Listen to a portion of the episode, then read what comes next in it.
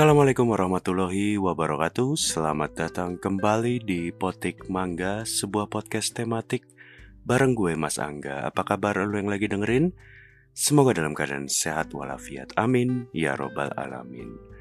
Para pemetik mangga sekalian Hari ini episodenya tentang dunia perfilman. Jadi emang kayaknya Belakangan Potik Mangga ini isinya kalau nggak bola ya film. Tapi ya emang itu dua hal, bola dan film adalah beberapa dari hal-hal yang emang gua suka. Jadi menarik perhatian gua.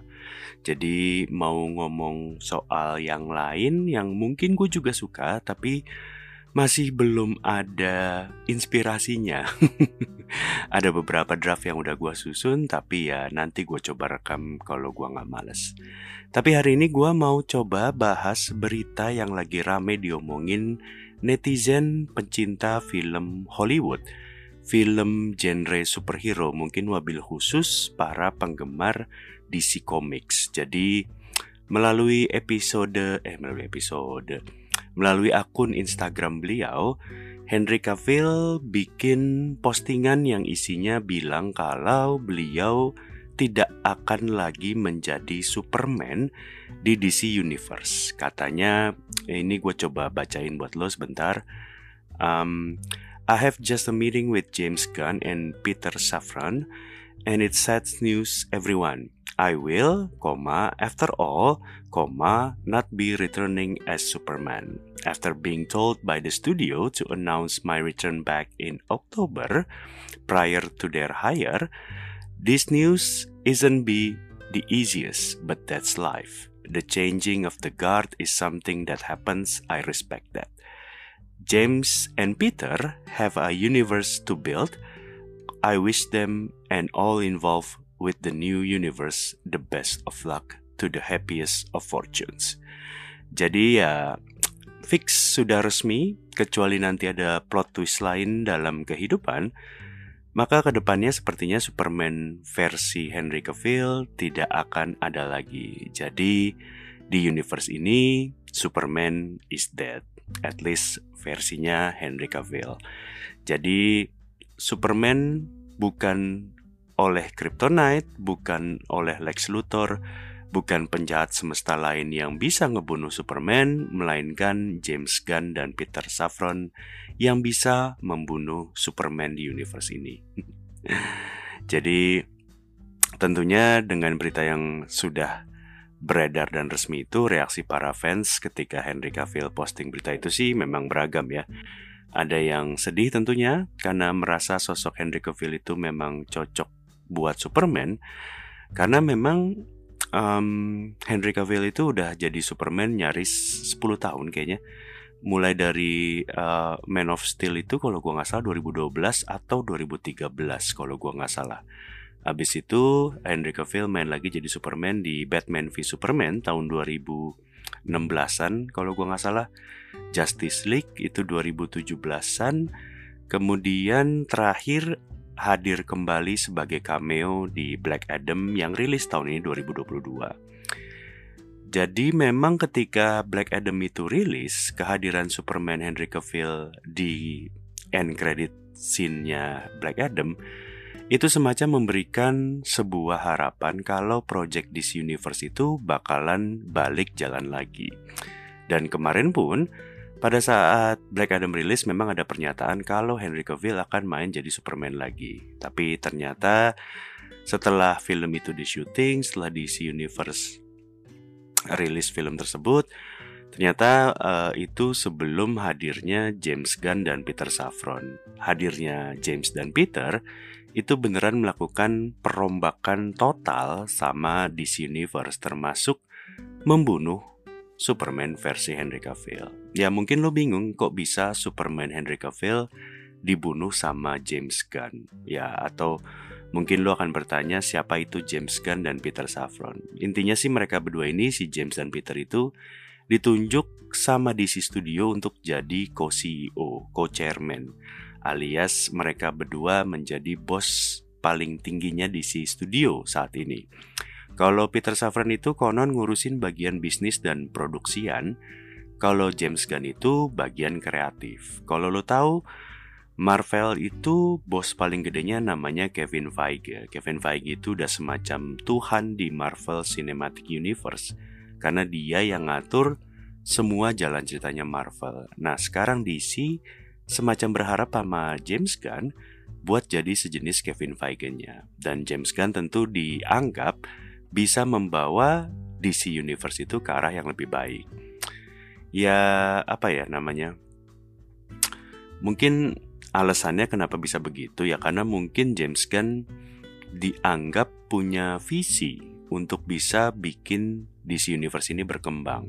Ceritanya bisa lebih bagus dan tentunya dengan dibantu sama co-CEO Peter Safran yang bisa menjual mungkin bisa membawa cuan gede ke DC Studio. Itu sih mungkin menurut gua alasan yang paling penting atau paling utama gitu karena gue cukup yakin gitu ya para petinggi DC gitu bos-bos DC pasti sirik luar biasa ngelihat Marvel dengan Marvel Cinematic Universe-nya bisa dapat cuan segitu gedenya gitu, segitu banyaknya.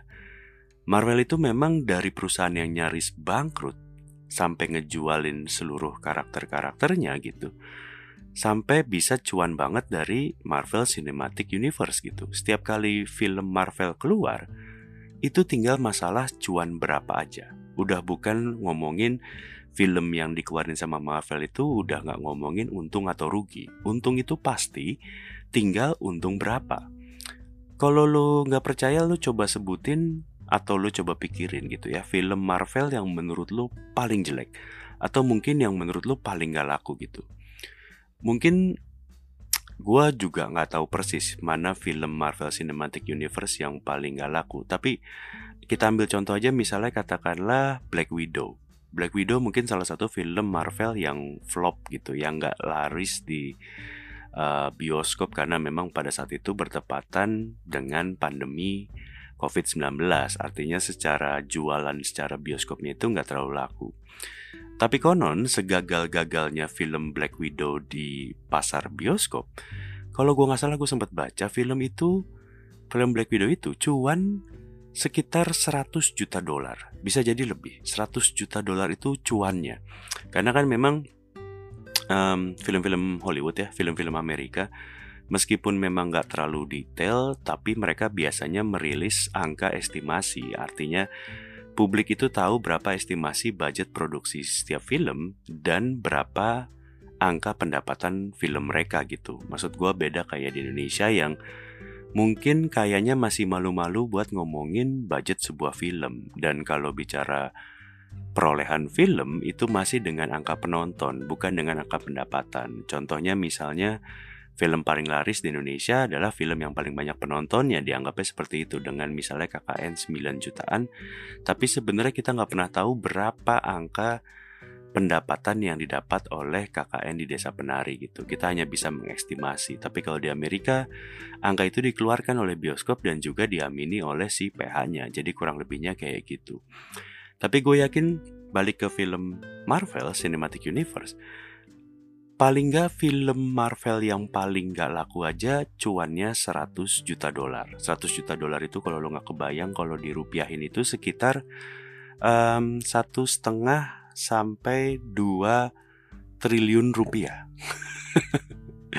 Dua triliun rupiah itu untung doang ya. Artinya uh, mungkin pendapatannya dari lain-lain dari merchandise misalnya dari apa jual ke Disney Plus misalnya itu jauh lebih besar lagi. Tapi untuk ukuran bioskopnya aja 100 juta dolar Amerika. Satu setengah triliun rupiah. Bahkan untuk ukuran Amerika aja gitu kalau ukuran Indonesia satu setengah triliun jelas itu udah gede banget tapi untuk ukuran dolar Amerika sekalipun 100 juta dolar itu juga udah gede banget gitu. Apalagi kalau kita bicara film terlaris sepanjang masa, Avengers Endgame, produksi Marvel Studios. Itu gue pernah baca konon budgetnya itu sekitar 300 sampai 350 juta dolar. Budgetnya doang buat produksi film. Itu konon larisnya itu di bioskop sedunia tiga setengah miliar dolar Amerika. Artinya mungkin secara kasarnya bisa 10 kali lipat dari budget produksinya. Dan kalau secara cuan itu bisa 3,1 miliar dolar. Cuannya 3,1 miliar dolar. Itu duit semua gitu ya.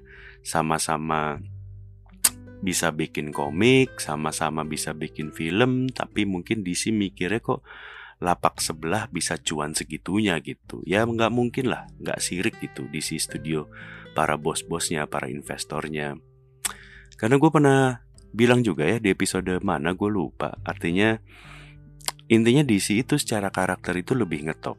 Holy Trinity-nya DC itu Superman, Batman, dan Wonder Woman itu luar biasa populer di seluruh dunia. Apalagi mungkin untuk orang-orang yang seumuran gue atau lebih tua. Karena memang itu udah jadi tiga superhero paling ngetop sedunia. Karena kalau kita bicara manusia kuat gitu, selalu top of mindnya Superman gitu. Orang-orang yang pengen terbang, sosok bisa terbang, pasti akan dibilang Superman. Atau misalnya orang kaya punya mobil keren, punya gadget canggih, itu bisanya biasanya dibilangnya Batman. Batman juga selalu top of mind untuk misalnya katakanlah karakter superhero detektif paling hebat sedunia. Nah, untuk perempuan, cewek, cewek-cewek kuat itu akan selalu dibilang Wonder Woman nggak ada atau mungkin jarang banget gitu ya dulu cewek kuat itu diasosiasikan sama misalnya Captain Marvel, Black Widow atau bahkan She-Hulk itu nggak ada. Cewek kuat, cewek powerful selalu akan diasosiasikan dengan Wonder Woman. Nah dengan punya karakter yang sehebat itu, sekuat itu, setop of mind itu, harusnya dengan mengandalkan tiga karakter itu harusnya udah bisa menguasai jagat superhero gitu. Dalam film misalnya. Ya mungkin memang DC Studio harus banyak introspeksi diri menurut gua. Kenapa? Karena mungkin DC itu nggak mikir kalau aset mereka ini Holy Trinity mereka ini mungkin bisa dijual segitunya. Mungkin ya karena kalau kita berkaca dengan Marvel, Marvel itu gue bilang tadi nyaris bangkrut. Beneran, lu bisa cek sendiri. Marvel itu saking mau bangkrutnya, Marvel itu sempat nawarin semua karakter mereka ujung ke ujung dijual ke Sony untuk dibikinkan filmnya. Jadi haknya dipegang sama Sony. Itu aja Sony nggak mau.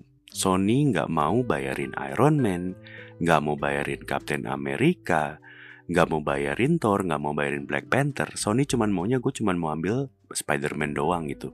Itu pun ditawar harganya karena sisanya dianggap nggak laku sama Sony, nggak laku dijual gitu.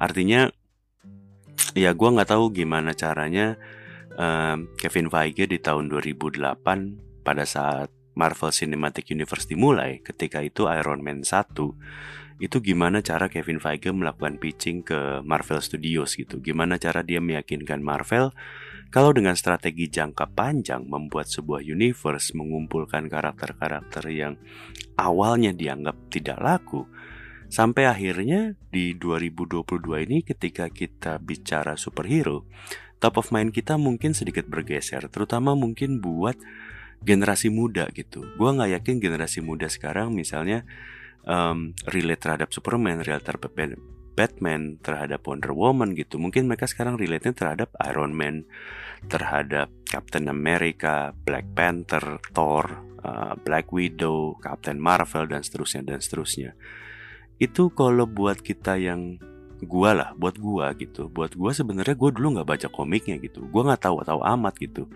Tapi tetap bisa jadi sebuah universe sebuah film superhero yang laris panjang masa gitu. Dan gue yakin DC pengen kayak Marvel gitu. Dan Kenapa gue bisa bilang mereka pengen? Karena mereka udah coba sebelumnya gitu dengan DC Extended Universe kalau gue nggak salah namanya. Kalau lu inget kan tadi gue sempat bilang ada film Justice League. Justice League itu kan sebuah usaha mencoba menyerupai Avengers. Tapi ya bisa dibilang gagal gitu. Makanya sekarang di era baru DC Studio dimulai dengan penunjukan Peter Safran buat jualan dan James Gunn buat ide kreatif. DC pengen mencoba sekali lagi. Kenapa menunjuk James Gunn ya? Gua sih mengira karena James Gunn itu salah satu sutradara yang bisa bikin film superhero. Tahu gimana caranya membuat treatment film superhero karena James Gunn itu juga bagian dari Marvel Cinematic Universe. Buat lo yang nggak tahu, James Gunn itu adalah sutradaranya Guardian of the Galaxy. Dulu kita nggak tahu Guardian of the Galaxy itu apa.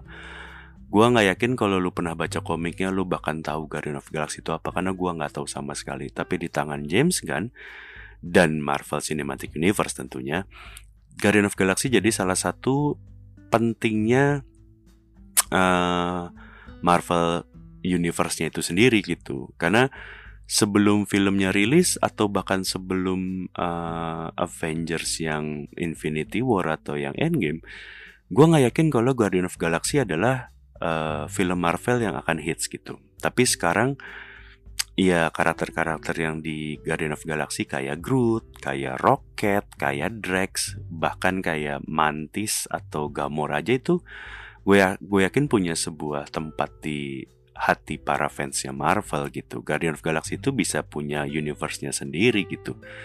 Walaupun memang ini Guardian of Galaxy itu gue awalnya agak aneh ya. Anehnya tuh ini out of topic sedikit ya. Jadi secara cerita itu agak aneh karena memang Guardian of Galaxy kan ceritanya di luar angkasa, maju dan established. Tapi bumi nggak tahu kalau ada universe Guardian of Galaxy. Sementara Guardian of Galaxy juga nggak pernah datang ke bumi sebelum adanya Avengers Infinity War agak aneh memang.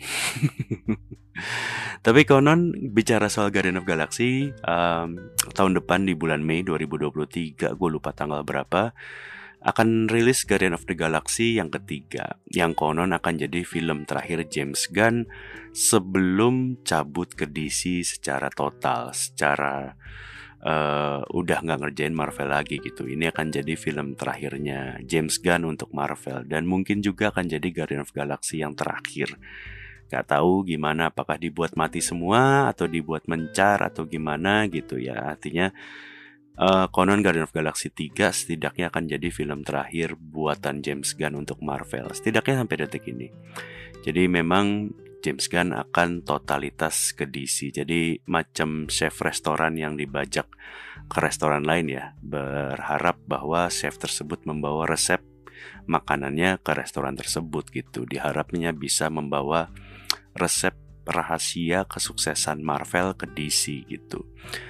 Tapi ya James Gunn itu cabut dari Marvel memang bukan kali pertama. Mungkin lo inget waktu itu um, kalau gue nggak salah sebelum Guardian of Galaxy 2 pas sudah Guardian of Galaxy 2 gitu. Um, James Gunn itu sempat dipecat sama Marvel gara-gara viral urusan James Gunn itu pernah nge-tweet dulu bahkan sebelum 2017 sebelum dia jadi sutradara Guardian of Galaxy tweetnya itu ada tweet-tweet yang memang kontroversial. Dan karena dulu sempat dipecat Marvel itu dia sempat join DC untuk bikin Suicide Squad. Suicide Squad yang kedua ya, bukan yang pertama. Terus abis itu uh, baikan sama Marvel diajak untuk ngelarin Guardian of Galaxy sehingga ada Guardian of Galaxy 3 dan juga yang kemarin rilis yang Christmas Edition lah gue lupa. Yang pasti sih kalaupun gue lupa proyek pertamanya James Gunn nantinya akan apa di DC, yang pasti apa pun itu James Gunn pasti butuh waktu yang lama.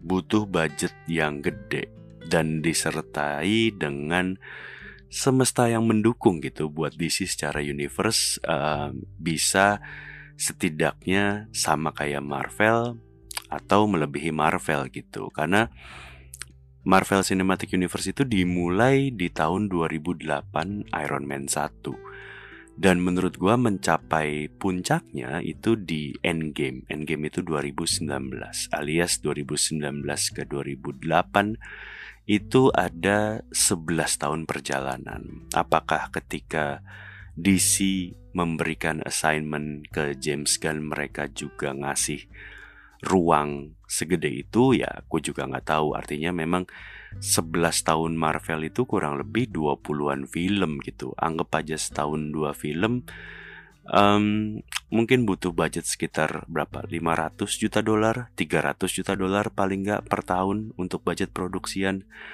Dan sekarang ini dengan apa namanya mengganti banyak karakter mendesain ulang Iya James Gunn kayak mas-mas di pom bensin gitu, mulai dari nol gitu. Gak cuman Henry Cavill yang diganti, konon Gal Gadot juga akan diganti dari Wonder Woman. Eh, Black Adam konon tidak akan diteruskan. Flash gua nggak tahu apakah jadi dirilis atau enggak. Katanya udah syuting jadi mau dirilis atau enggak. Kalau Batman, Batman akan diganti yang main di DC Universe. Katanya Batman-nya Ben Affleck jelas akan diganti. Tapi kalau Batman yang The Batman yang Robert Pattinson itu katanya sih ya itu lepasan bebas-bebas aja. Memang Batman ini agak ribet secara universe ya. Terlalu banyak Batman dalam dunia ini. Tapi ya apakah akan berhasil ya tentu waktu akan menjawab pastinya. Ya kita lihat aja dari sekarang berapa lama James Gunn akan bertahan Apakah gue optimis? Apakah gue pesimis dengan DC Universe ala James Gunn? Well, James Gunn membuat Guardian of Galaxy jadi sekuat itu. Gua nggak tahu apakah James Gunn yang jago atau memang Marvel secara keseluruhan bisa membentuk sebuah universe yang saling mendukung satu sama lain. Karena kalau lo tahu di Marvel pun setiap superhero di tangan uh, sutradara yang bisa dibilang sanggup mengeksplor atau memberikan treatment yang bagus gitu. Artinya Iron Man punya sutradara sendiri, Thor punya sutradaranya sendiri, uh, Guardian of Galaxy pun seperti itu. Ya, apakah akan berhasil? Ya, belum tentu juga. Apakah akan bisa jadi berhasil? Ya, we'll see lah. Tapi kalau menurut lo, kenapa DC Universe itu gagal dari segi pendapatan. Karena kan sebenarnya ini yang jadi sebuah permasalahan kan.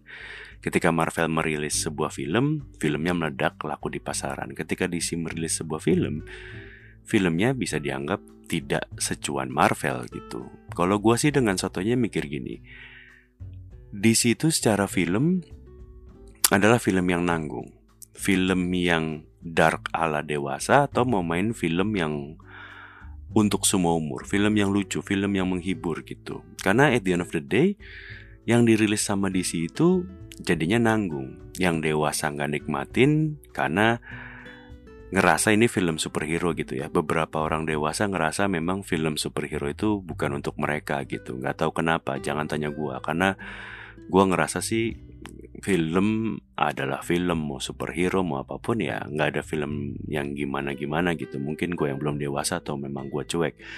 Tapi yang pasti karena ini filmnya dibuat agak dark yang anak-anak itu nggak bisa nikmatin gitu. Karena Marvel itu membuat filmnya ramah penonton usia muda. Sebagian film MCU itu paling kategorinya U13, umur 13 tahun ke atas. Bahkan beberapa ada yang semua umur.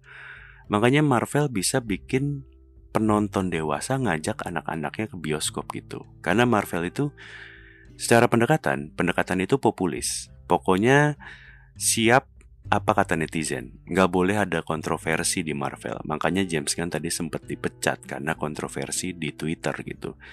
Marvel harus populis, harus inklusif. Marvel siap melakukan hal-hal yang bisa membuat film mereka itu mencakup semua orang, inklusif, semua orang bisa relate. Avenger yang pertama itu semuanya masih white people, masih bule semua, masih orang putih, uh, tipikal khas superhero Amerika dengan ceweknya sebagai minoritas. Alhasil ke depannya, eh ke sininya gitu ya dari Avengers 1 ada superhero perempuan, ada superhero kulit hitam, ada superhero muslim, ada superhero yang Cina Asia. Ada karakter-karakter yang gay. Lengkap lah pokoknya si Marvel supaya semua orang bisa merasa terwakili oleh superhero yang ada di Marvel. Dan satu hal yang pasti kalau menurut gua kenapa DC itu gak laku menurut gua jawaban logisnya ya karena nggak ada yang nonton. Aneh ya cuman maksud gue gini ya Marvel ada yang nonton laku DC nggak ada yang nonton jadinya nggak laku gitu. Kenapa nggak ada yang nonton? Ya gue nggak ngerti. Dengan sedikit eh dengan segitu banyaknya fans Superman fans Batman fans Wonder Woman Iya harusnya lebih dari cukup untuk membuat filmnya laku. Tapi sepertinya para penggemar di sini pada nggak ke bioskop gitu. Gue juga nggak ngerti kenapa apakah fans-fansnya DC ini nggak support sama filmnya, sama fansnya satu sama komiknya gitu. Ya gue sih ngerasa salah satu cara untuk mensupport hal yang lo suka gitu. Kayak gue suka film, gue suka nonton film, gue suka film. Um, ya banyak lah gitu ya. Menurut gue salah satu cara untuk support itu dengan cara ya nonton ke bioskop, if you can gitu dengan filmnya ditonton tentu angka penjualannya akan laku, maka akan datang film-film yang lo suka, film-film yang lebih berkualitas lainnya gitu. Yang pasti kalau para penggemar DC tetap tidak akan menonton filmnya sih mau sampai kapan pun tidak akan pernah laku ya. Artinya DC akan tetap jalan di tempat mau siapa pun CEO-nya mau itu James Gunn atau siapa pun sekalipun jadi ya tetap nggak laku gitu. Yang pasti semoga harapan gue sih DC beneran ada di jalan yang benar. Artinya ya gue pengen sih nonton film-film superhero DC dengan kualitas yang bagus gitu.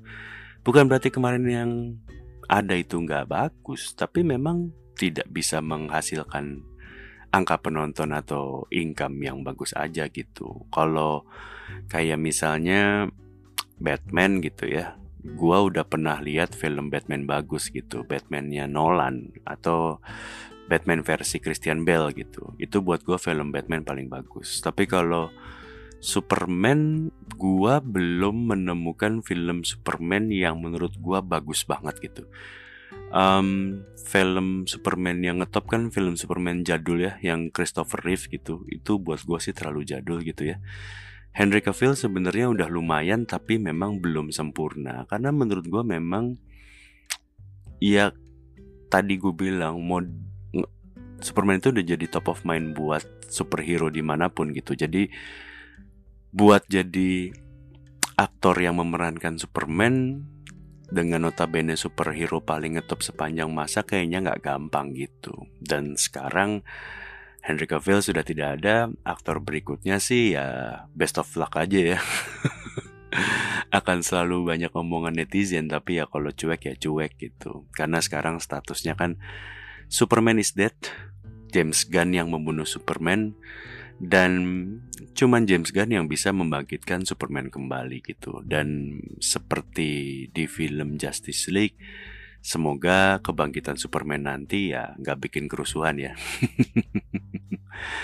ya kita nanti aja um, apa rencana dari DC ke depannya semoga akan hadir film-film berkualitas dari DC buat lo yang mungkin udah terlanjur pengen menyaksikan universe DC yang lama dengan Justice League dengan Henry Cavill, dengan Gal Gadot, dengan Ben Affleck, bahkan dengan The Rocknya Black Adam, ya mungkin kita sudah harus move on dan pindah ke universe DC yang baru. Semoga aja jauh lebih bagus dari yang sebelumnya. Terima kasih sudah mendengarkan petik mangga kali ini. Sampai jumpa di episode lain. Assalamualaikum warahmatullahi wabarakatuh.